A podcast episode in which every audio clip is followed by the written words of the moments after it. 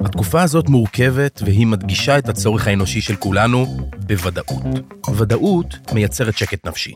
לכן אנחנו במנורה מבטחים מציעים לכם ודאות פיננסית באמצעות הצ'קאפ הדיגיטלי, כלי דיגיטלי בחינם ללקוחות כל החברות, בו תוכלו לגלות כמה כסף צברתם בפנסיה ובמוצרי החיסכון שלכם בשלושה צעדים פשוטים. הצ'קאפ הדיגיטלי של מנורה מבטחים יעשה לכם סדר גם במוצרי הביטוח. צ'קאפ דיגיטלי מבית מנורה מבטחים. הלינק בתיאור הפרק, בכפוף לתנאי השימוש. באות בזמן, דליה גוטמן וחברים, מבית All In, הבית של הפודקאסט. היי נועה. היי.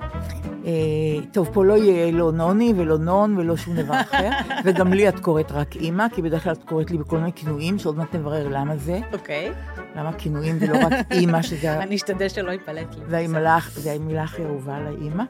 אה, אז אני אגיד לך איך זה התגלגל. לפני חצי שנה, כחצי שנה, שמעתי פודקאסט חדש, אז הוא היה חדש, של אה, ג'וליה לואי דרייפוס, הכוכבת של כן. סיינפלד.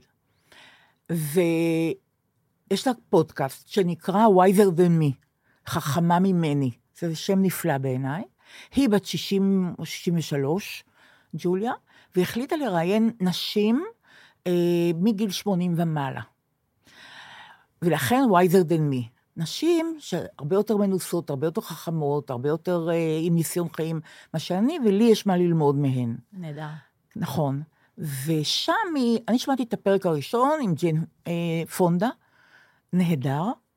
אה, כבר דיברתי על זה פעם בבאות בזמן. ובעקבותייך אני שמעתי אותו גם, כן. אבל uh, לא הספקתי לסיים אותו, ושמעתי אותו לפני השביעי באוקטובר, וכמו הרבה דברים שעשינו לפני השביעי באוקטובר, אז אנחנו כבר לא חוזרים, זאת אומרת, זה כבר נראה חיים אחרים, אבל אולי יום אחד אני אחזור ואשמע את זה, ממש באמצע הפרק, uh, אז כאילו מאז לא חזרת ל... מאז לא חזרתי, אבל אני צריכה כן, לחזור. זה, זה נורא נורא יפה, כמובן, שומעים את זה בספוטיפיי למי שרוצה.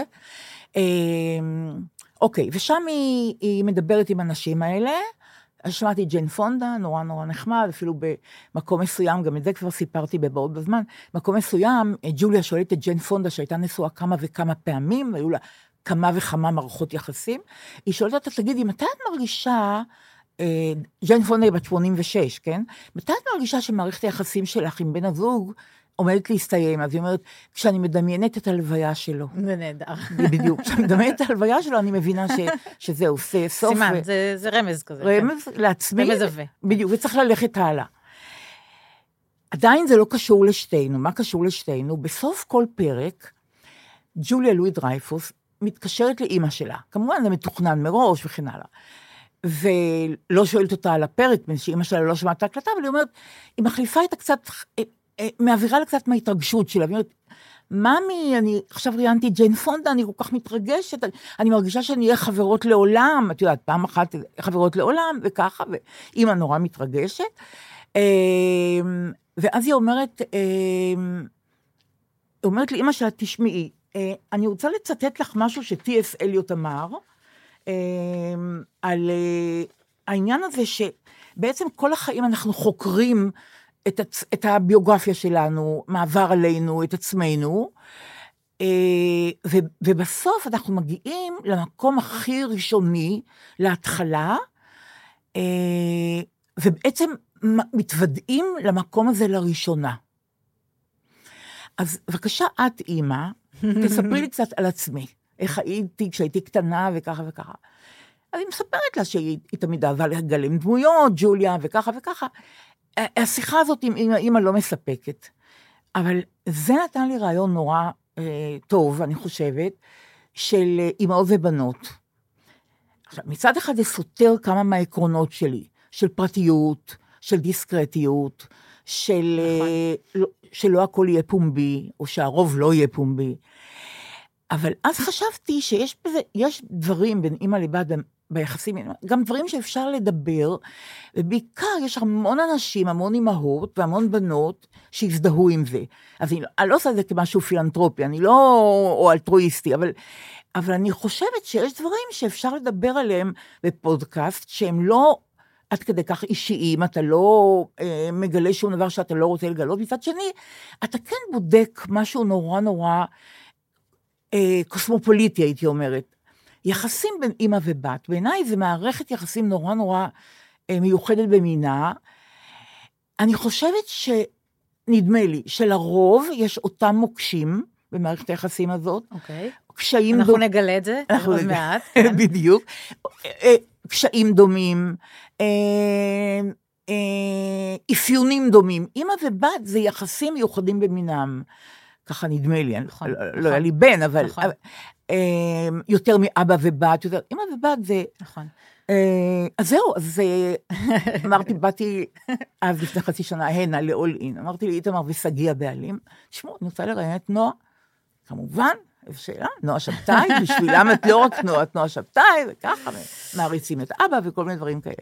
אז הנה אנחנו יושבות פה עכשיו, ואנחנו צריכות לדבר על עצמנו. נהדר. אז נכון. אני, אני, אני גם הכנתי כמה מילים לפתיחה.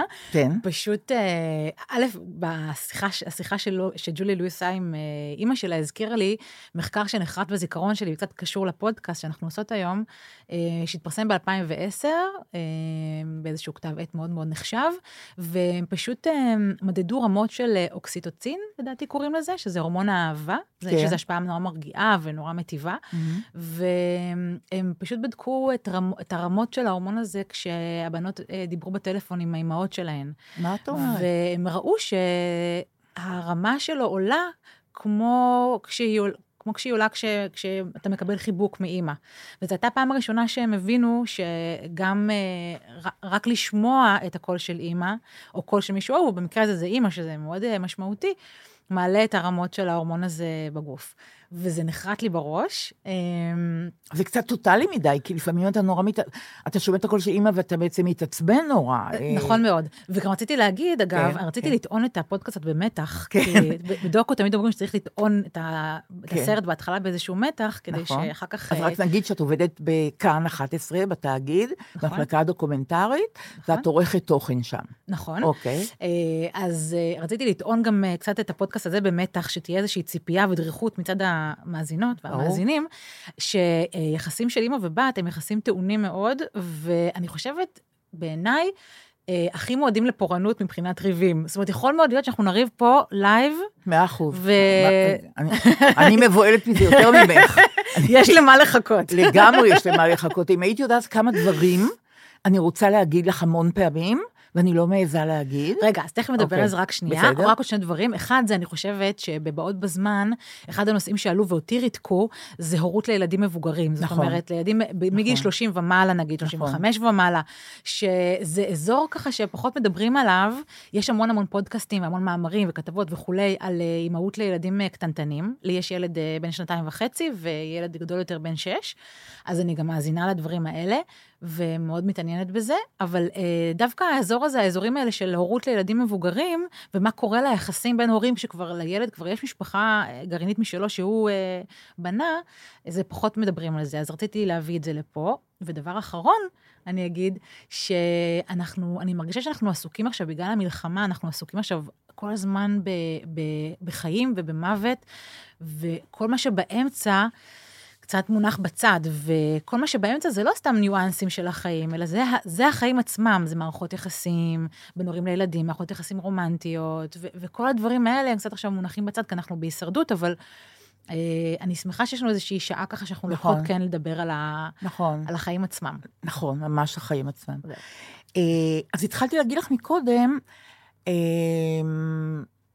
שבעצם אה, חלק גדול מהזמן, לא, לא כל הזמן, כמובן שאני אוהבת אותך וכן הלאה, אבל חלק גדול מהזמן, אני, אה, אני נבהלת ממך באיזה מובן. אני רוצה להגיד לך המון דברים, יש דברים שאני רוצה להגיד לך ואני נמנעת, כדי שלא תעדפי אותי. ו, ויש דברים שאני רוצה להגיד, ואני חושבת, אל תתערבי בחיים שלה, תני לה לנהל את חייה בעצמה, ולגבש אותם ולעצב אותם בעצמה. מצד שני, אני אומרת לעצמי, אבל לי יש ניסיון, אני יכולה למנוע ממך טעויות. ואני לא יודעת ליישב את העניין הזה, כלומר, גם להגיד לך את מה שאני רוצה, וגם לא, ל- לא לחסום אותך. זאת אומרת, לתת לה היפרדות בשתינו שהיא בריאה וחשובה, אה, אה, אה, לתת לה חירות באמת. כן. אה, לעשות את מה שאת חושבת לנכון לעשות, לטעות, ללמוד מהטעויות, כמו שאני עשיתי, ול... וזאת, תמיד עשיתי זו דילמה נורא, עכשיו, זה הגיע לידי כך, שהמון פעמים אני רוצה להגיד לך דברים, ואני עושה טיוטה בראש. טיוטה אחת ועוד טיוטה אחת, איך להגיד את זה ככה, ש, שלא תהיה התפרצות, שלא, שהיא לא תהדוף אותי, שהיא לא תגיד לי חלילה, זה לא עניינך, שזה גם קורה, או ככה ויש וככה. גם טון מסוים שבו את שואלת אותי בסוף, כן. ואני מרגישה לפי הטון הזה, לפי הפיץ של הקול שלך, כן. שאת מבוהלת עד מוות. זה בדרך כלל קול גבוה כזה, אה, זה וזה, משהו לא טבעי כזה, שאתה מבין שאת בבעתה. נכון. ואני גם אומרת לך, לך, את נכון, מבוהלת עכשיו. נכון, רוב כן. הזמן, הנה, סגרתי, שכחתי לסגור את הטלפון כמובן. אמ, אז אה, רוב הזמן אני באמת מבוהלת, זה נכון. עכשיו, אני רוצה לבקש ממך גם דוגמה לזה, אבל מצד שני, עכשיו אני במלכוד, כי אם, תג, אם תגידי מה הדוגמה, אז אולי זה עלול להביך אותי. את מבינה? יש לך דוגמה שלא תביך אותי? מתי לא. למשל את מפחדת?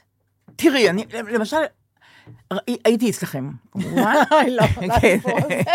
לא, לא, לא, לא, לא, אוקיי. וראיתי משהו עם יואב, התרחש משהו בדרך כלל עם אוקיי. יואב בן השש. נכון. ואני חשבתי שהגזמת בתגובה שלך. אה, ופקפקתי, היססתי, התלבטתי אם להגיד לך או לא להגיד לך. מצד שני, הלב יוצא, אני רוצה להגיד לך. מצד שני, את איתו כל הזמן, את מכירה את היחסים ביניכם, את יודעת מה היה לפני חצי שעה ומה יהיה בעוד שעה.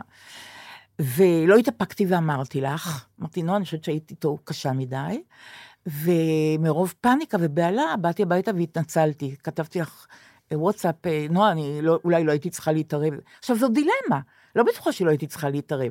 אני רק רוצה שתדעי את הדבר הזה, שאני כל הזמן קצת מבוהלת ממך. עכשיו, לכן, לכן, החלטתי שבפודקאסט את לא תוכלי, לא יהיה קל להדוף אותי, זאת אומרת, את תצטרכי לענות לי. אז אין לי, אין לי ממה לפחד. אז מה שנפתח בפודקאסט, נפתח בפודקאסט. אז עכשיו הולך לרדת עליהם אתר של שאלות שהן לא. חודרניות, פולשניות? ממש לא. אוקיי. את, את מדברת עם בן אדם, את יודעת, מאוד מאוד אולי פרטי מדי אפילו, אוקיי, נכון? אוקיי. אוקיי. אבל אני, אבל אני כן אומרת שאת, את לא תוכלי להדוף אותי, זאת אומרת, יהיו דברים שאני אגיד, או שאת תגידי אגב, ושאני בדרך כלל לא רוצה לענות, ואני צריך לענות עליהם. ברור. בדיוק. אז, אז לכן זה פודקאסט, אוקיי. אני רוצה לדייק את זה, שאני חושבת שהפחד של אה, הורים מ- מילדים, זה, זה, זה הפחד הזה מהתגובה של הילדים, כי בעצם ילדים מגיבים אלינו בצורה הכי משולחת רסן שיכולה להיות, כי היחסים הם מובנים מאליהם, כאילו, אז אתה יכול לכעוס, אחי, ולגעור בחזרה, ואני מרגישה את זה גם על יואב.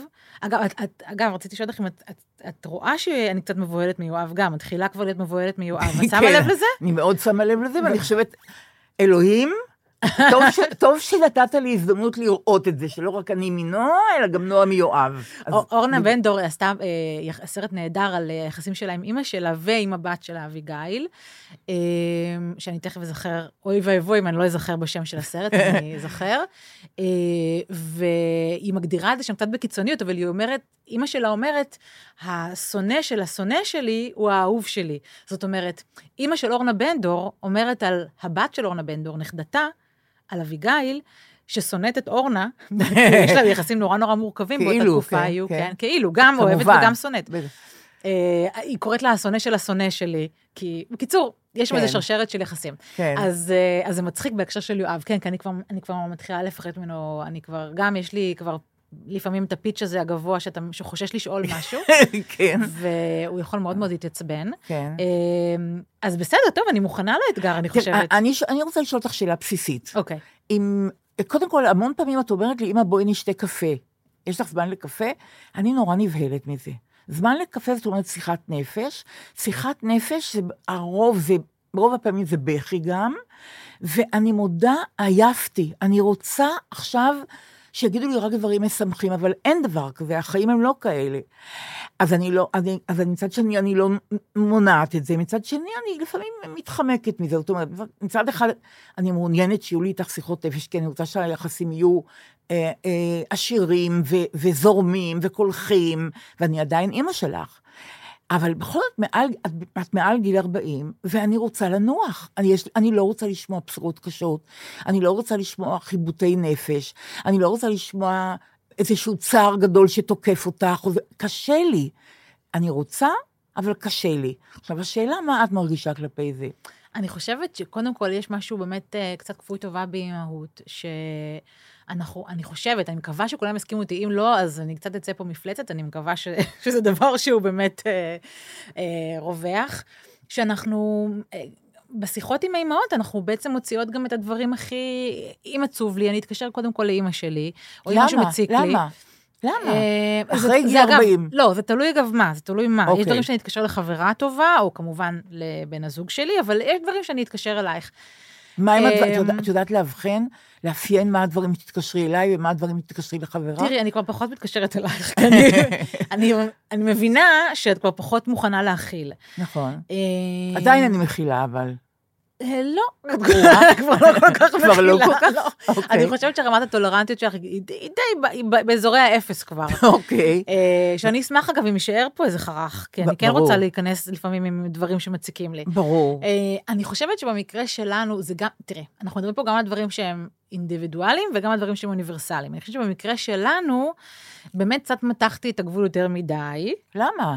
אה, הנה, למה את... באיזה מובן? אוקיי. שקצת השתמשתי יותר מדי באופציה הזאת של אה, לבכות על כתפך ו- ו- ולדבר איתך על דברים שמציקים, וזה קצת, בוא נגיד שזה היה קצת, כבר, כבר, זה כבר היה קצת פתטי. אוקיי. אה, מה המדד שלך? לפי מה את יודעת את זה? גם לפי היכולת שלך להכיל את התגובות שלך. כן. לא, אבל גם, לא יודעת, בתחושה שלי, זה כבר היה קצת יותר מדי, ואני חושבת שזה כן עזר לי שהצבת איזשהו גבול. מה את אומרת? זה אני כן עזר לי.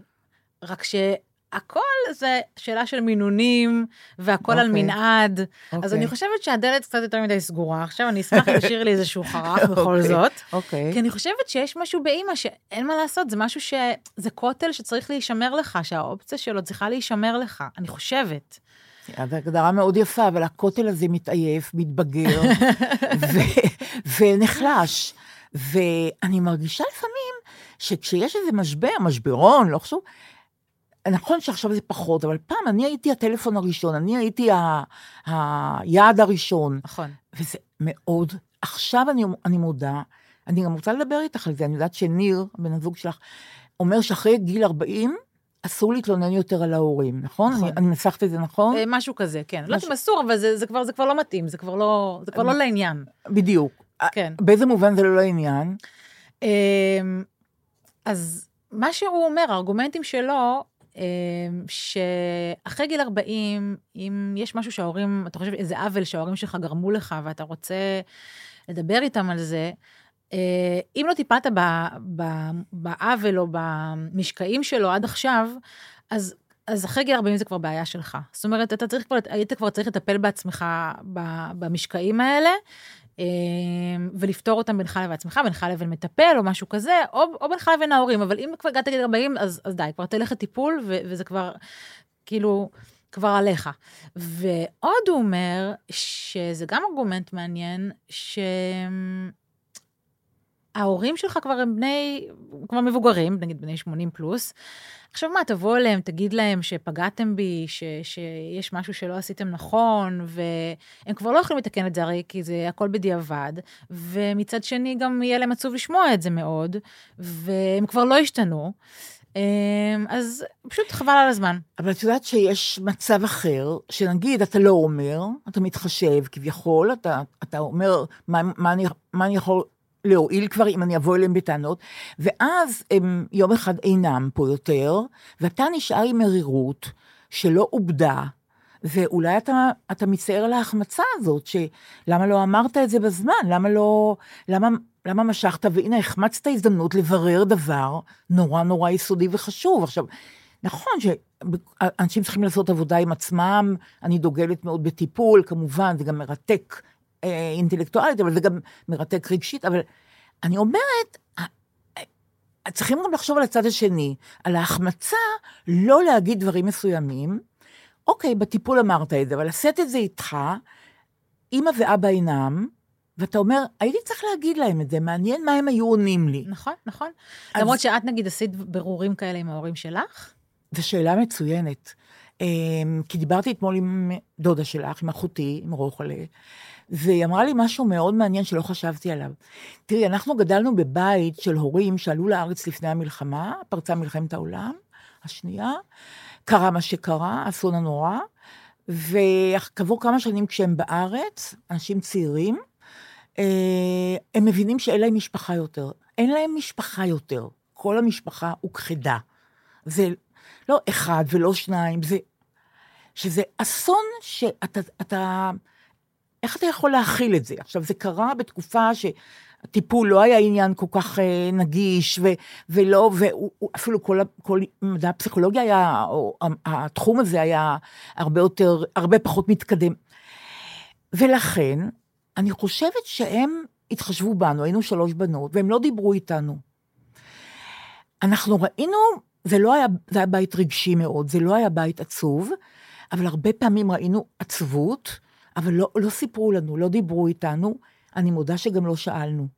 זה, זה קצת הדדי, אבל מצד שני, הם גם יכלו ל, ל, ל, לעורר את זה, הם גם יכלו.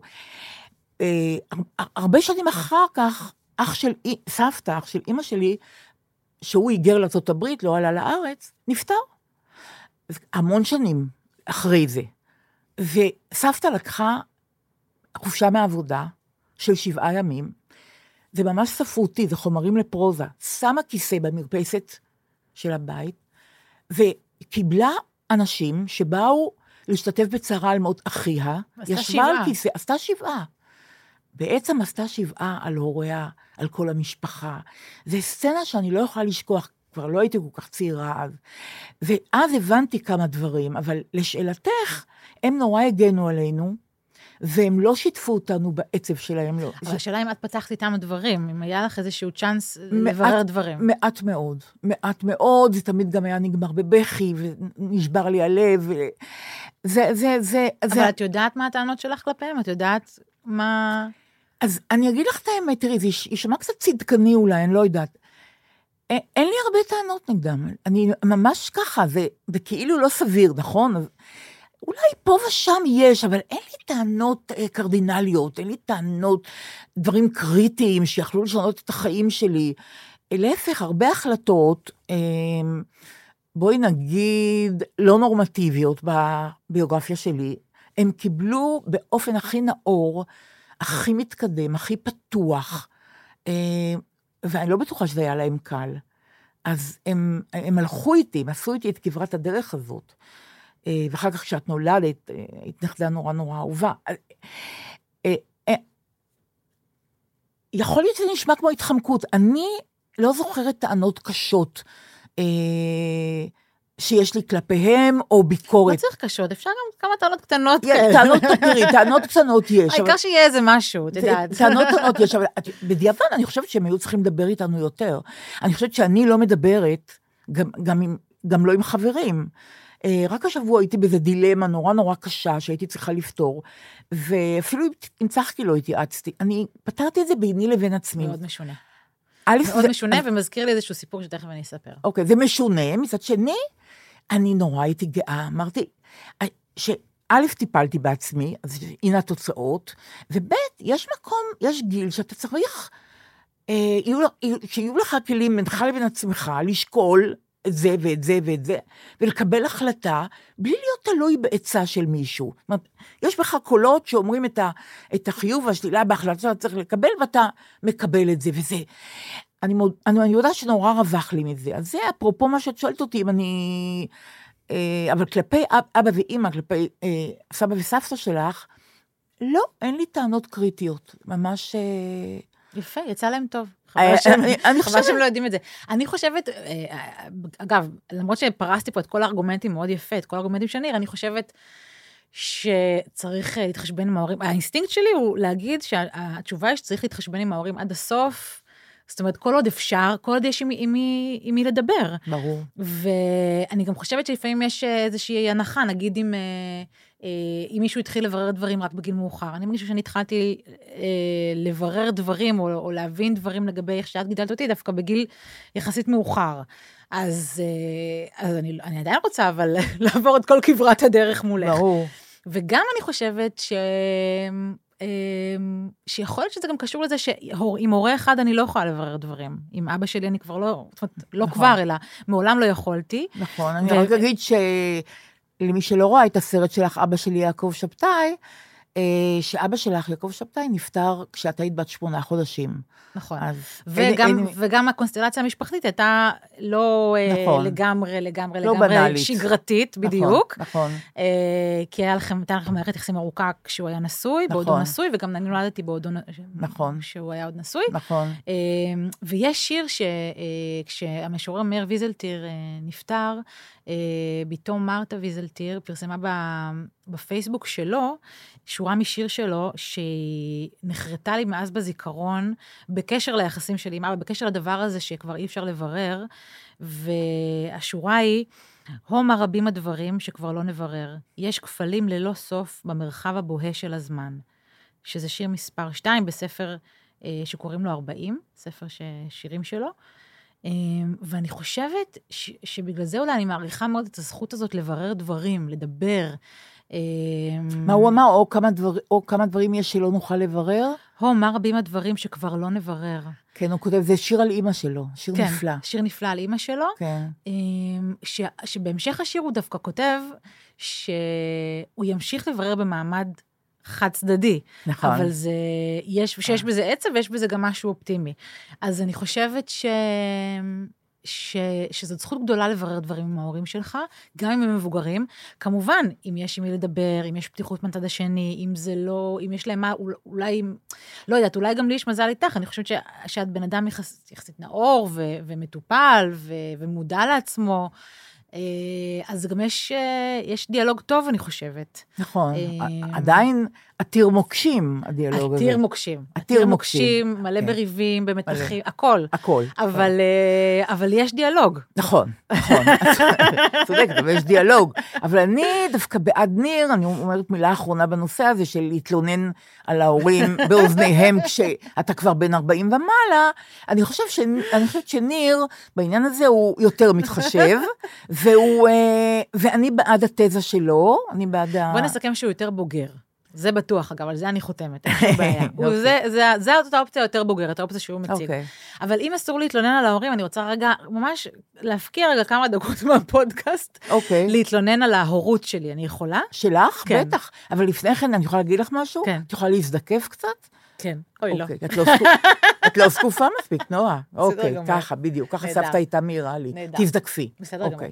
אה, רגע, אבל יש לך פניות לזה? לשמוע כמה תלונות שלי? מאוד, מה זאת אומרת? בטוח לא, כי אני קצת עכשיו הולכת כאילו להכביד עליי. להפך, זה פחות מה שעכשיו, זה, זה כאילו, את לוקחת מהזמן של הטענות שיופנו אליי, נכון. ואת הולכת לדבר על נכון, עצמך. אני צריכה- זה תענוג, אני נכון. ניצלת בזה. אז אני צריכה גם לשמור ניצולת- הטענות כלפייך, את כן, צודקת, בסדר. אוקיי, רק תזדקפי בכל זאת. אני רק רוצה להגיד שאני מוצאת, שאפרופו להתלונן, אני מוצאת שהדבר שהכי מודד אותי אה, בימים האלה, גם בימים האלה שבהם אסור להתלונן על דברים שהם אה, נכון. טריוויאליים, כי אלוהים יודע שיש אנשים שעוברים עכשיו גיהנום, אז אני גיליתי שעדיין בכל זאת, בחלקת האלוהים הקטנה שלי, מודד אותי להתלונן קצת על ההורות שלי, וזה זה מצחיק אותי, זה משעשע אותי, וזה לא מוריד מהקושי, אבל זה כן משמח קצת. אז אני רוצה להגיד שגם שבאתי לפה היום קצת כדי לקחת אה, הפסקה, time off מההורות שלי, כן. שכאמור יש לי ילד בן שנתיים וחצי וילד בן שש, כן? ושאני מרגישה כאילו שאני בספא עכשיו. בכלל, אני מרגישה כאילו שאני עכשיו בספא ב- ב- ביערות הכרמל. ואלפי אנשים מתרוצצים סביבי רק שיהיה לי נעים, בגלל שאין פה ילדים, זו שיחה בין שני אנשים מבוגרים, כן, ובכלל, מאז שאני אימא, אני מרגישה כאילו שאני ירדתי לשטח, כן. לתנאי קמפינג, עברתי את תנאי קמפינג עם גנרטור שמקרטע, ובלי מים זורמים, ועם שירותים שמי יודע איפה הם נמצאים. כן. ואני מרגישה שיש רגעי אושר לפעמים, איזה אור קטן מנצנץ, ואתה רואה איזה עלווה של, של עלים כזאת יפה וכולי, אבל רוב הזמן אתה רוצה שזה ייפסק, אתה רוצה לחזור הביתה, מקלחת טובה כזאת, ושינה של כמה שעות. ובלי ילדים. בלי ילדים, ממש, שיניחו לי לנפשי. יש גם קטע בספר של אבא, בסוף דבר, שהגיבור הוא מאיר, שהוא בן דמותו בעצם, אה, אז הרבה פרטים אה, משפחתיים אה, אמיתיים נמצאים שם, ביוגרפיים אמיתיים, אז הוא כותב שהוא הולך בפרוג, הרחוב שבו אבא גדל, והוא מסתכל לתוך הבית שבו הוא גדל, בית הדירות שבו הוא גדל, לתוך חלון הדירה שבו הוא גדל, והוא מדמיין את אימא שלו, שאז כבר לא הייתה בחיים, הוא מדמיין אותה יושבת וקוראת על הספה וקוראת ספר בשקט, וזה כל מה שהיא רצתה אי פעם לעשות, שיניחו לה, היו לה שלושה ילדים ובעל, שגם בטח היה תובעני, ושייתנו לה להשתרע ולקרוא ספר. וזה מה שאני רוצה גם. אני מייחלת לזה כל דקה ביום, שייתנו לי לשבת על הספה ולקרוא ספר. אז זה ממש במאמר מוסגר. לא, אני- אה, אני אני רוצה להוסיף לך משהו. מה? הייתה לי חברה שכבר דיברתי עליה בפודקאסט הזה, אה, נורא אהובה עליי, אבל גם אה, שהעניקה לי המון, נירה לונדון, ונירה לונדון הייתה הראשונה ששמעתי, שמעיזה להגיד שאין דבר יותר משעמם מלגדל ילדים. ויותר מזה, היא באה בטענות למערכת החינוך ולמדינה, שלמה הגנים מסתיימים בשעה ארבע. לפי דעתה, גן היה צריך להימשך, להיות עד שמונה בערב, כמו במיסיון, היא אמרה לי.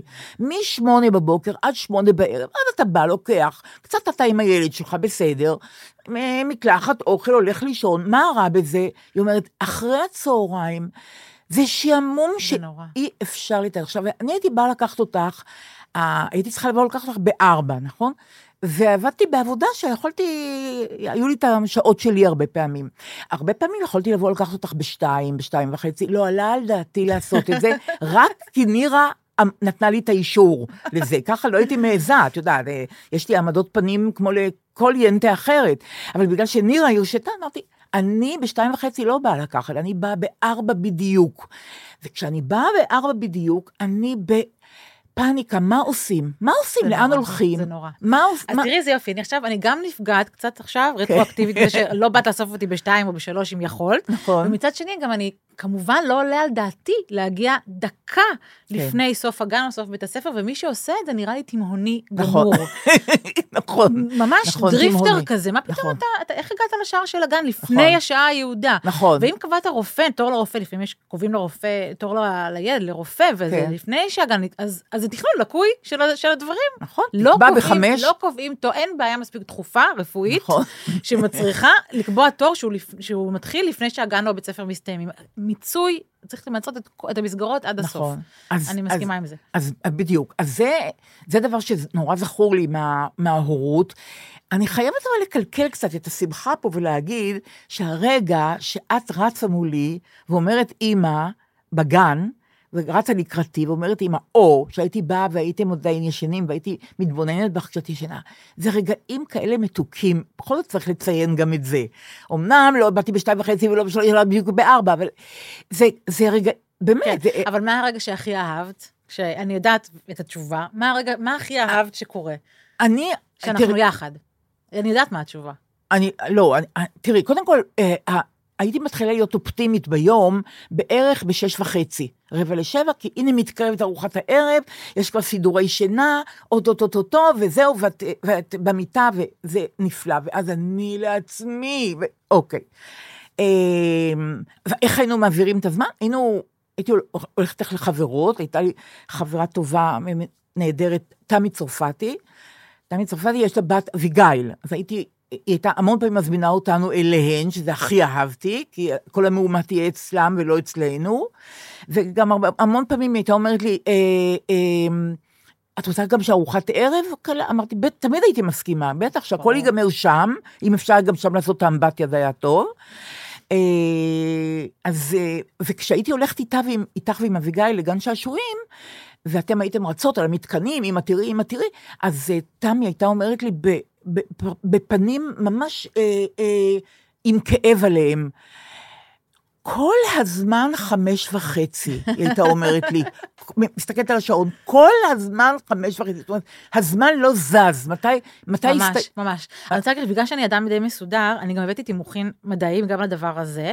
זה לא יהיה דידקטי מאוד. אוקיי. אבל זה כן איזשהו מחקר שנעשה, יש מחקר של דניאל כהנמן, זוכה פרס נובל. שנעשה. לפני כ-20 שנה, שהוא היה פורץ דרך כי הוא גילה שאימהות לא נהנות מטיפול בילדים שלהן. פשוט ככה, הן פשוט לא נהנות מזה.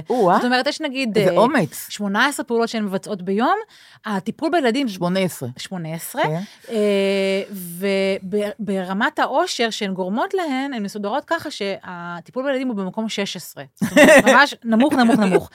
ואז היה עוד איזשהו מחקר, ממש טרי, כשדברים כאלה עוד העסיקו אותנו, זה פורסם באוגוסט, מבינה כן. שעוד היינו חופשיים לעסוק אנשים, בדברים אנשים כאלה. רגילים היינו. אז כן. שעוד הכותרות היו כאלה. אז היה מחקר אה, נוסף שנעשה, שבחן את רמת ה flow, זאת אומרת, רמת הזרימה שאתה מרגישה במהלך היום, ומצא שהכותרת אמרה שדווקא רמת הפלואו עם הילדים היא כן גבוהה לפעמים, אבל מצאו אה, אה, נתון מאוד מאוד מובהק, שבשעה 4 אחר הצהריים, הרגשות השליליים אצל הורים הם בפיק. אוי, זה נפלא. הם בפיק. עכשיו, היא אמרה שהם בפיק כי זה דברים יותר טכניים, כי זה הסעות, זה לא זה, זה לא זה, זה הפאניקה הזאת של אחר הצהריים. וזו פאניקה שאני עוד לא מצאתי איך אה, להתגבר עליה. אבל אני רוצה להגיד לך עוד משהו, שנכון שגם לי קשה מאוד בהורות שלי, אבל אני חושבת שקרה לי מה שהרבה פעמים קורה, זה אפרופו נושא הפודקאסט, שזה יחסים בין הורים לילדים מבוגרים, שכשאני נעשיתי אימא, כמובן, למדתי להעריך אותך אחרת. זאת אומרת, את ההורות שלך אחרת, ואצלנו זה יותר לדעתי... איזה יופי, נועה. כן, ואצל... כן, אל תדאגי, יש לי גם תלונות, אנחנו לא עוד נגיע 아, לזה, אוקיי. אבל... אבל אה, לא, אני חושבת שבסך הכל עשית עבודה טובה. תודה. ואני חושבת שלך היה הרבה יותר קשה, כי את היית, אה, מה שקוראים היום, אה, אימא יחידנית. נכון. ואני מודה שעכשיו כשאני בתוך ההורות שלי, שזה הורות עם בן זוג וכולי, הקושי שאני חווה אה, גורם לי רק לדמיין מה הקושי שאת חווית, זאת אומרת, ואיך עשית את זה בכלל. ואני רוצה לשאול אותך אם, אם זה היה קשה, מה זה היה, וגם נהוג לחשוב שזה היה אז יותר נדיר, זאת אומרת, אימהות יחידניות. לא, קודם כל זה לא היה יותר נדיר. זה לא היה מקובל אולי כמו עכשיו, אבל זה לא היה נדיר. אה, אילנה רובינה, שמבוגרת ממני בהרבה, הייתה, אה, גדלה לאם יחידנית, חנה רובינה, אבל, אבל היו הרבה דוגמאות כאלה. זה לא אומר כלום לגבי, אני רוצה לגבי, לגבי, לגבי היותי אני אם יחידנית. תראי, מה שעזר לי שהייתי נורא אה, אוטונומית במקצוע שלי, בדבר שעסקתי בו, למחייתי ו- ו- ולא רק למחייתי. אה, זה היה, זה היה אה, תחום שנתן לי המון סיפוק, היה לי המון סיפוק והעסיק אותי ומילא אותי. אז קודם כל היה את הדבר הזה, שזה גם סוג של... אה, לא צריך להגיד שהיית מפיקה ועורכת בערוץ הראשון. בהצלחה בכל ישראל, ואז בערוץ הראשון. נכון, וזה מאוד, זה, זה מאוד העסיק אותי, זה היה תחום מאוד רחב, מספק מאוד.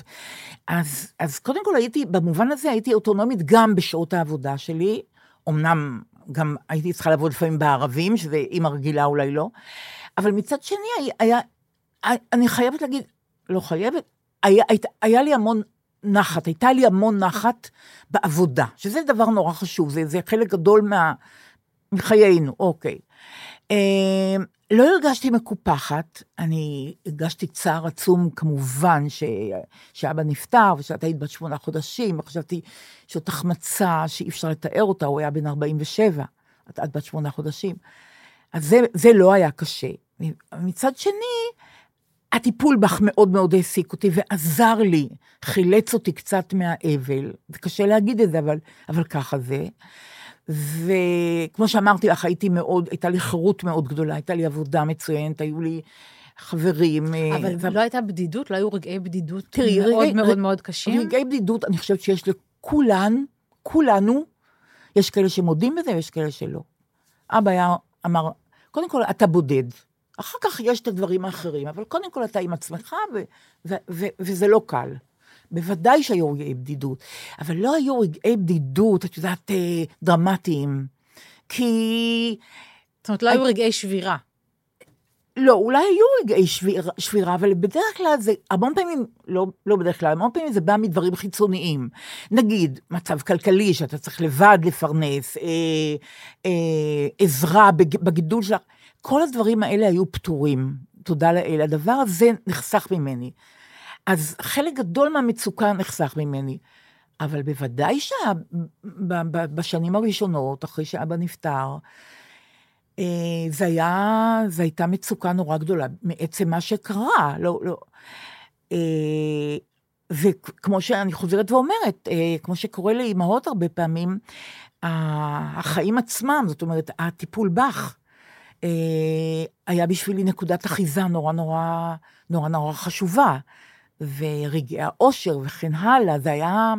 אז במובן הזה, זה לא היה... מה שתיארתי עכשיו, זה מה שהיה. אה, להיות אם יחידנית בעצם. יפה. כן. אה, איך את הצגת את זה כלפי חברים שלך, שאין לך אבא? אני לא יודעת, אני חושבת שזה משהו שגם ידעו קצת אולי. אני לא זוכרת שהיה מעמד כזה שבו סיפרתי ל- לילדים שאין לי אבא. אבל, אבל בטוח היו כאלה. אהה. ובטח אמרתי ש... אה, שאבא שלי נפטר כשהייתי קטנה, כשהייתי תינוקת. בטח אמרתי באותה נשימה גם כשהוא היה סופר. את כל ה... כן. הייתה לי כותרת כזאת שיהיו גם מוכנה רווח- מראש. שיעור רווחים גם. שיעור רווחים. כן. אז יכול להיות שאפילו אמרתי שזה היה, ש... שזה היה רומן מחוץ לנישואים. יכול להיות שאפילו בזה קצת התרברבתי.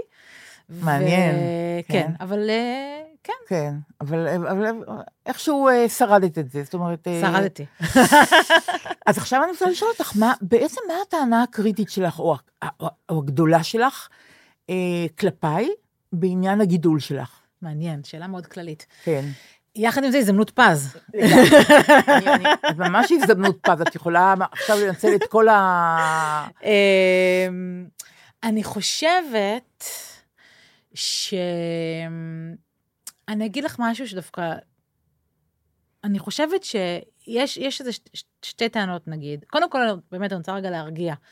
בסך הכל עשית עבודה טובה. אוקיי, אבל, לא בשביל זה התכנסנו. בגלל שאת לימדת אותי גם שהורות נידונה לכישלון. זאת נכון. אומרת, אין הורות שחפה מטעויות. נכון. אז גם, גם לך היו כמה. אני חושבת ש... אני חושבת שמה שאני מבינה בשנים האחרונות, זה ש... וזה לא משהו שדיברנו עליו לפני. אוקיי. זה. ש... לא, אבל רמזת לו עכשיו, אוקיי. שהייתה לך עבודה מאוד מאוד ממלאת ומאוד מספקת, אה, צבעונית מאוד, אה, ו- ותובענית, ואני חושבת ש... שהיית מאוד מאוד שקועה בה. ואני לא מעניין. בטוח, ולא תמיד, לא תמיד אה, הייתי במקום הראשון, אני מרגישה. עכשיו, יכול להיות שזה טעות, וכן הייתי במקום הראשון, אבל אה, מבחינת זמן, חלוקת הזמן, חלוקת המשאבים האלה של, ה, של האנרגיות, ו- ואני אגיד לך איפה זה התחדד לי, היה אה, סרט ששודר בכאן 11 של כנען קירשנבאום, הבן של מוטי קירשנבאום, שהיה חבר מאוד מאוד מאוד טוב שלך. נכון. ו... הוא היה החברה הכי טובה שלי. ו... וכשאני עוד זוכרת את שיחות הטלפון ביניכם, ובייחוד איך, אה, את גאיות הצחוק שלך כשדיברת איתו, וידעתי ישר עם מי את מדברת. אז, אה, אז כנען עשה סרט אה, לפני, שודר לפני כמה חודשים בכאן 11, והוא קצת אה, התחשבן איתו בסרט הזה. ו, וקצת על הרקע הזה באמת, שהייתה לו, לו עבודה, קצת דומה לשלך, ש... ש... כאילו גנבה את המקום, מאוד סוערת, כן, שהוא היה שקוע בה מאוד. כן. ו... ונהנה ממנה מאוד, וקצת גנבה את הבכורה. ואז אני באמת חשבתי על זה, שכשיש לך, אני חושבת שאולי היה לכם מקצוע כל כך צבעוני, שבאמת קצת היה קשה לפעמים להתחרות בזה. מעניין אז, מאוד אה, מה שאת אומרת. כן. ואני לא יודעת מה את. חושבת על זה. לא, אני רוצה שתפרטי, באיזה מובן, מה... מה... במובן של... אמ, מבחינת הזמן, היית המון המון המון זמן בעבודה, המון זמן בעבודה, לפעמים גם ערבים, כי זה היו גם ימי צילום, ולפעמים היו צילומים שהיו בלילה, ו... ולא תמיד היית אה, זמינה אליי בכל שעה, אה, וגם כשהיית ח- חוזרת לפעמים מהפקות, היית חייבת את השקט שלך, כי אני עכשיו היום יודעת, גם בגלל שאני קצת באותו תחום, אני גם יודעת להעריך את זה מחדש, אבל שזה מורט עצבים, ש...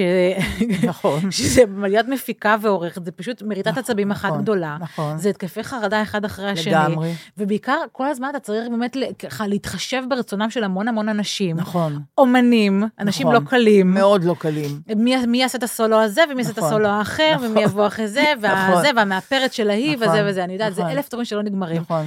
אז הרגשתי לפעמים שאני קצת בסוף שרשרת המזון במובן הזה. מעניין, לא שאת צריכה- ידעתי את זה, נועה. כן. כן, כן. מעניין מאוד. כן.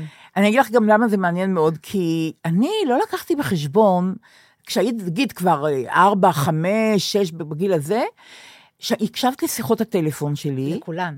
ברור. ואת המון פעמים פתאום אמרת לי, אמא, אני לא רוצה להגיד שמות, אבל אם הזמרת הזאת והזאת כבר, זה בסדר, היא כבר הסכימה לשיר את, את השיר הזה, או שעדיין אה, יש ויכוחים? ופתאום הבנתי שאת שומעת שיחות שהן לא לגילך. נכון, אבל עכשיו את מתחמקת מתשובה. אני, את, מה השאלה שלך, שמנעתי ממך, שחסכתי ממך? לא, שלא היית, לא, שלא היית תמיד פנויה אליי. אני חושבת שיש מזל לילדים, שהאימא ש... אני מנחשת את התשובה. כן, שהאימא שלהם לא תמיד פנויה אליהם. אני ממש חושבת שהילדים האלה הם בני מזל, שלאימא שלהם יש תחום עיסוק משלה, היא לא עליהם כל הזמן, הם יכולים לפרוח ולגדול ו- ולגדל כנפיים וכן הלאה, ויש להם אימא שעסוקה במשהו אחר, ולא טרחנית ולא נודניקית, ו- ו- בדיוק, ואני חושבת שילדים כאלה צריכים להיות, להיות מאושרים ולשמוח שהם כאלה. חוץ מזה, חוץ מזה, שהרבה שנים הייתה לך מטפלת נהדרת, רחל, נכון? זה לא מחליף אימא, אני יודעת. לא. נכון, לא משנה. אבל אה, מתי הבנתי כמה ההשפעה שלה עלייך הייתה גדולה, שנדמה לי שעד היום הילדים שלה חולצים, אה, נכנסים הביתה, חולצים נעליים ושמים את הנעליים על יד הדלת, נכון?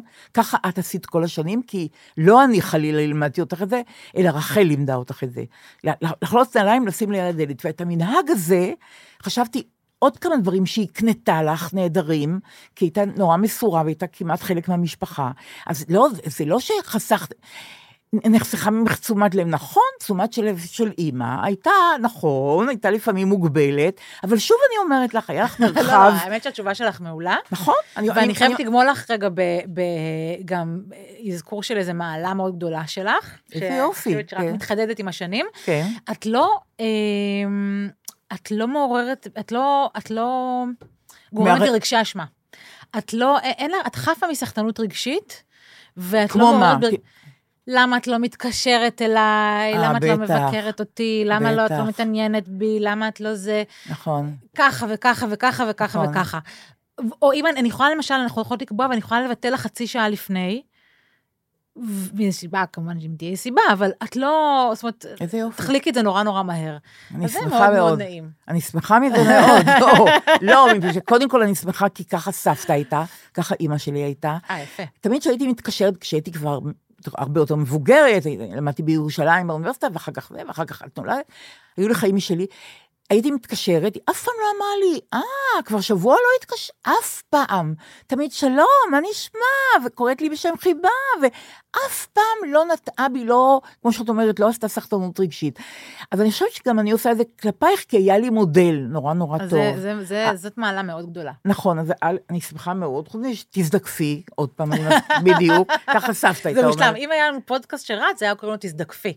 זה היה השם של הפודקאסט. זה שם נורא, זה שם שם נהדר. אטרקטיבי. אבל אני רוצה להגיד אה, עוד משהו שרצינו לדבר עליו, שהוא גם, קצ- אה, לא יודעת אם זה טעות קרדינלית, אבל זה משהו שעשית. אני חושבת שאת אה, קצת הלכת רחוק מדי בהורות שלך, אני גם מסתכלת על השעון, לראות כמה זמן, בסדר. כמה טעויות שלך עוד אפשר לדחוס בזמן שנשאר לנו. אני חושבת שאחד הדברים זה שאת אה, מאוד מאוד מידרת אותי. אה, בדברים קטנים וגדולים גם, זאת אומרת, את, את מרוב שלא רצית, או שמרוב שאת מאמינה שאימהות ובנות לא צריכות להיות חברות, לקחת את זה לקיצון, וממש אה, היה איזשהו, אה, איזה קו כזה נורא הרמטי בין החיים שלך, לבין החיים שלנו, שלי ושלך כמשפחה. זאת אומרת, נגיד על כסף, מעולם לא דיברת איתי, מעולם לא שיתפת אותי בכמה דברים עולים וכולי ודברים כאלה, שזה אולי דבר טוב, אבל גם... כי- כי לא היו בעיות כלכליות. נכון, אבל, אבל, אבל אה, לא שיתפת אותי גם ב, ב, ברגעי חולשה שלך. לא שיתפת אותי למשל ב- באבל על, על, על מותו של אבא בכלל. זאת אומרת, אז הייתי קטנה כשזה קרה, אבל לאורך השנים לא נתת לזה ביטוי כל כך לאובדן, וזה דבר שהבנתי רק עכשיו. כן. אה, תראי, זו טענה נורא מעניינת. אה, אני חושבת שכמובן זה נבע מתוך רצון להגן עלייך, ושלא תגדלי בבית עצוב, ושזה לא יהיה אסון שיעצב את החיים שלך. ובאמת מהאינסטינקט הזה להגן עלייך. רק בדיעבד, כשאת פעם אמרת לי את זה, הבנתי שיכול להיות שהייתי, לא לשתף אותך, אבל יכולתי יותר לבטא את הצער ואת האבל. מצד שני, הלב נשבר. התינוקת בת שמונה חודשים, אחר כך את בת שנה, ובת שנתיים, בת שלוש, בת ארבע, מה אני רוצה ממך? אני... אז הרצון להגן עלייך אולי חסם אותי מבאמת לבטא את, את האבל שלי ולתת לגיטימציה שגם אימא יכולה להיות עצובה. זה את, את נורא, אז כאילו לא היה לך מודל כזה, כן. ש, שגם אימא היא בן אדם, אימא גם יכולה להיות עצובה, ו, כן. והיא לא, לא צריכה להסתיר את זה. לי- בעיקר היה חסר לי איזשהו חלק בפאזל הזה של הסיפור המשפחתי שלנו. כן. זאת אומרת, ידעתי את כל העובדות, ו... אבל היה חסר לי הדבר הזה של... החתיכה של האבל שלך הייתה חסרה. זאת אומרת, היה רק את הסיפור, את התנהלות הדברים, ולא היה שם את הרגש הזה ש... כי לא הנכחת אותו בכלל, זאת אומרת, אז, הרגשתי שמשהו חסר פשוט. מצד שני, תמיד תמונה של אבא עמדה על השולחן, ואת ידעת להגיד עליו, להצביע ולהגיד אבא. אה, יואל ואהרון, אהרון שבתאי, אה, משורר, ויואל, שמאוד אהבת, אה, הג- הגיעו אלינו ב, ב, בשלב הזה, והתוודעו אלינו, ו, ו, ונעשו חלק מהמשפחה שלנו. אה, כן, אבל זה לא קשור... זה ל- לא קשור, אלייך לא. ואליו. זה לא קשור, זה נכון. לאובדן שלך. זה, זה נכון. אמ, אבל אני רוצה להגיד לך עוד משהו. כשרצית לעשות את הסרט שלך, אבא שלי יעקב שבתאי, לי זה לא היה קל. ו, אבל התחשבנתי עם עצמי, ואמרתי, את לא נתת לזה מקום בחיים של נועה, נועה עכשיו רוצה לברר דברים שאת לא סיפרת לה. והיא בן אדם בוגר, ולא רק שבסוף הסכמתי, אלא אפילו גם תמכתי בך, נכון. עד כדי כך, שראיתי את הסרט שלך בפרימיירה עם עוד 200 אנשים. נכון. לא ראיתי את זה קודם, נכון. אפילו יום קודם לא, כדי לא לרצות חלילה להעיר לך. אה, נכון. בדיעבד הייתי צריכה להראות לך את זה יום קודם לפחות, אבל בסדר. אני חושבת שלא, אני חושבת שלא. ושמחתי עלייך לגמרי. נכון, היו לי שם הפתעות, אבל, אה, אבל מהצד אני יכולה להגיד שעשית החלטות מאוד נכונות, יחד עם העורך שלך, עם רון גולדמן. אה, אריק ברנשטיין. ואריק ברנשטיין המפיק, שהוא גם חבר שלי. אה, עשית החלטות מאוד נכונות בסרט הזה, ואני, אסור היה לי לראות אותו, כי הוא היה אוטונומי שלך, ואני, אסור היה לי להתערב. וזה כאילו את סיימת איזה שלב בטיפול. שעשית את הסרט הזה, סיפרת את הסיפור שלך, שאלת את השאלות שלך. נכון, נכון. אה, נכון. לא, לא הכנסת את כל מה שחשבתי שיכולת, שיכולת להכניס פנימה, להגיד לך מה, למשל? מה? למשל, שרותי רבין, אשתו של המשורר עוזר רבין, שהיה חבר של אבא נורא טוב, גם שלי, שאבא בא לספר לרותי רבין שנולדה לו ילדה, ואף אחד לא ידע מזה, כי המשפחה שלו עדיין לא ידעה. אז רותי רבין סיפרה לי שהוא אמר, נולדה לי היום ילדה, ואני רוצה לעוף לשמיים. לא, היא אמרה, אני רוצה לצעוק אני רוצה לצעוק לש... ש- שנולדה לי ילדה. מרוב נכון, שמחה. נכון, נכון, נכון. ואת זה לא הכנס לסרט. נכון. הכנס לסרט דווקא אנשים שאמרו לי, הוא לא סיפר. נכון. וחשבתי שהתחשבנת איתי בהחלטה הזאת. זאת אומרת, שלא רצית להקל עליי, את רצית להביא את הצד הזה. שאבא, שעשה את, זה, את, את הצד הזה בהתחלה באופן חשאי, טוב, לא היה לו זמן אה, לסדר את זה, כי הוא, כי הוא נפטר, כאמור הייתי בת שמונה כן. חודשים, אבל את רצית בסרט הזה להביא את העמדה שלך, ולא להקל עליי. יחד לא, עם אני זה, גם, אני דווקא, אני רוצה רק, דווקא מעניין שאת אומרת את זה, אני דווקא לא רציתי להקל על עצמי, אני חושבת, כי לא רציתי לייפות את המציאות עבורי. זאת אומרת, לא רציתי, רציתי שהסרט יהיה אמין, שהסיפור שאני סיפרת הוא אמין. רגע, ואני חושבת שאם העובדות הן שהוא לא סיפר לאיש, ורק לאיש אחד הוא סיפר, או רק לבני זוג שהיו חברים שלו, אה, הוא סיפר, אז אה, צריך להדגיש את זה שהוא לא סיפר להמון אנשים. אני נכון, חושבת. נכון, אבל גם להוסיף את העדות הזאת, נכון. של, של, של, נכון, נכון. שהוא כן סיפר. אבל היום זה כבר היה באמת סרט אחר. אם הייתי יכולה עכשיו לפתוח את הסרט באמת? מחדש, כן, זה היה סרט אחר לגמרי. באיזה מובן? במובן ש... אני לא יודעת, זה, זה היה סרט, זה היה סרט קצת שונה, אני חושבת. ואני חושבת שגם אני הייתי בטוחה אחרי שסיימתי את הסרט, ש, ש, שזהו, שהנושא הזה טופל, אפשר לסגור את זה ולהשאיר את זה מאחוריי, וזה כל כך, כל כך לא ככה. זה לא ככה? זה לא ככה, כי א', יש דברים שאני מבינה והתחדדו לי רק כשהפכתי להיות אימא, שזה קרה אחרי שסיימתי את הסרט. למשל, מה את יכולה להגיד? אה, כן, האובדן שלו התחדד, הדבר הזה שאין... אה, ש...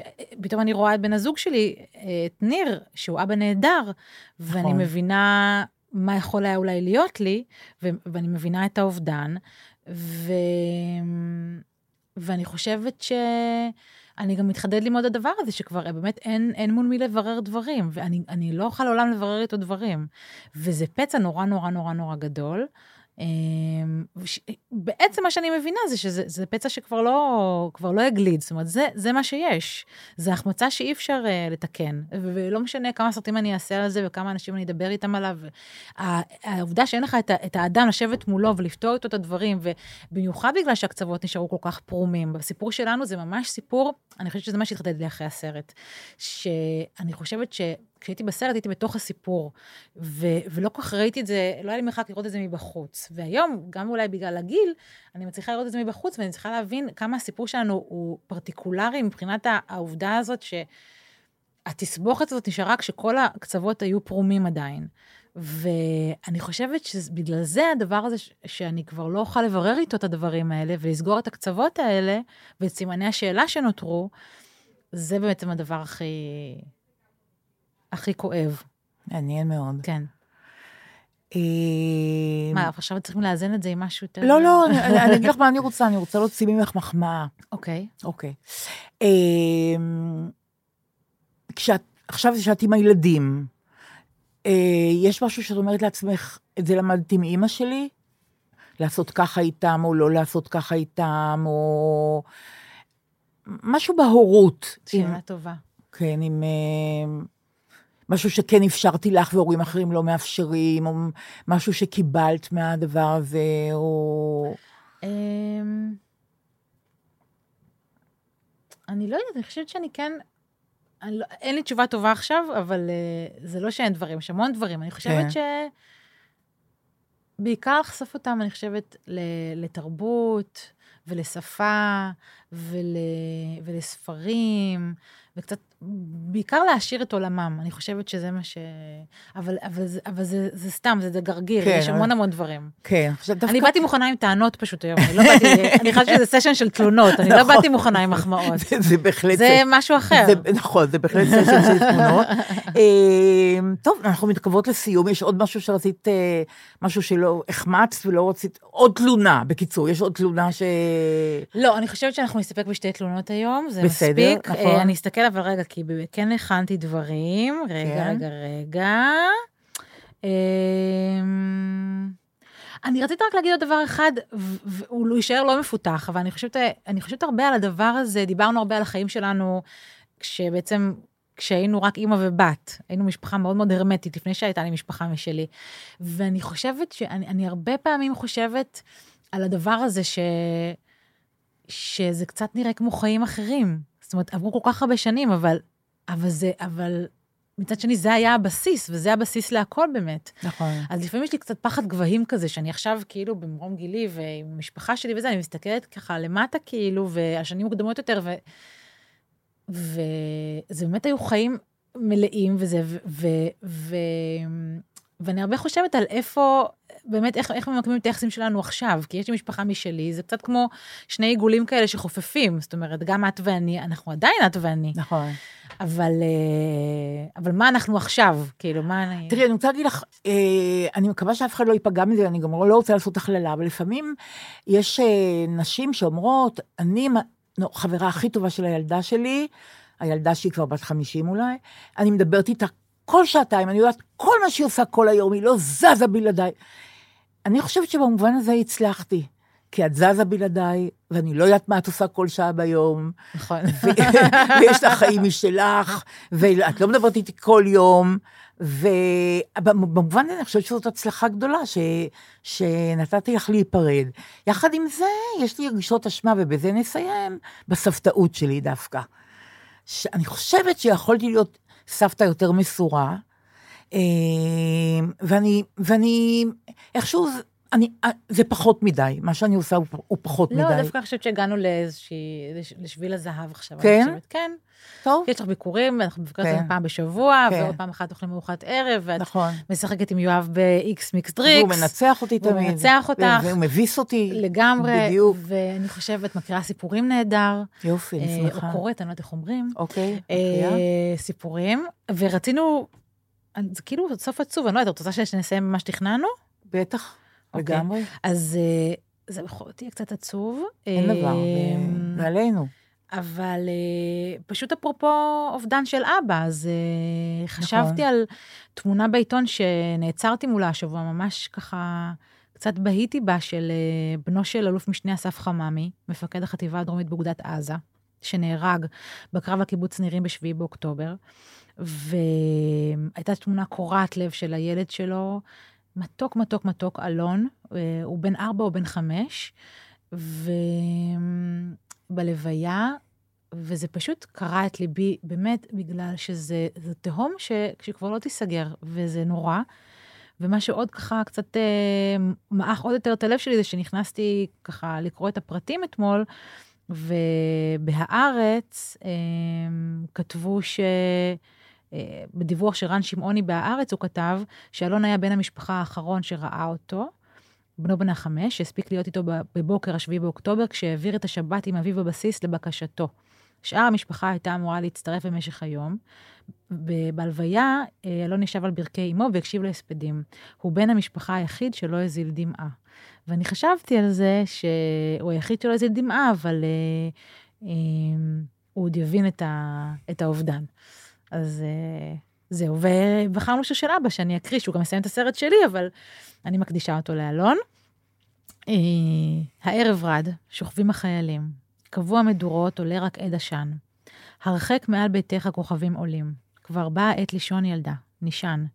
לישון ילדה הלילה בחולות, אך בראשי עולה מין שיר ישן נושן. אפשר היה לשיר אותו בשני קולות, אבל עכשיו לישון ילדה, נשען. לישון ילדה כבר שעת חצות עברה. האם ליד ביתך פורח השושן? כשאחזור, אבוא לך דרך השדרה. אבל עכשיו לישון ילדה, נשען. נשען ילדה, עצמתי את עיניי. על הגבעות סביב עלה כבר אור ראשון. במעיל החיילים כיסיתי את פניי. אולי עכשיו נשען ילדה, לישון. יפה מאוד. איזה כיף. כן. טוב, זה כמו שחשבנו, עכשיו יש לשתינו דמעות, ועכשיו אפשר לסיים. נכון. אז אני נורא שמחה שעשינו את זה. אני מקווה שגם כשנשמע את זה נשמח. גם אני. וזהו, אני אוהבת אותך. גם אני איתך, מאוד. ביי מוטי. ביי.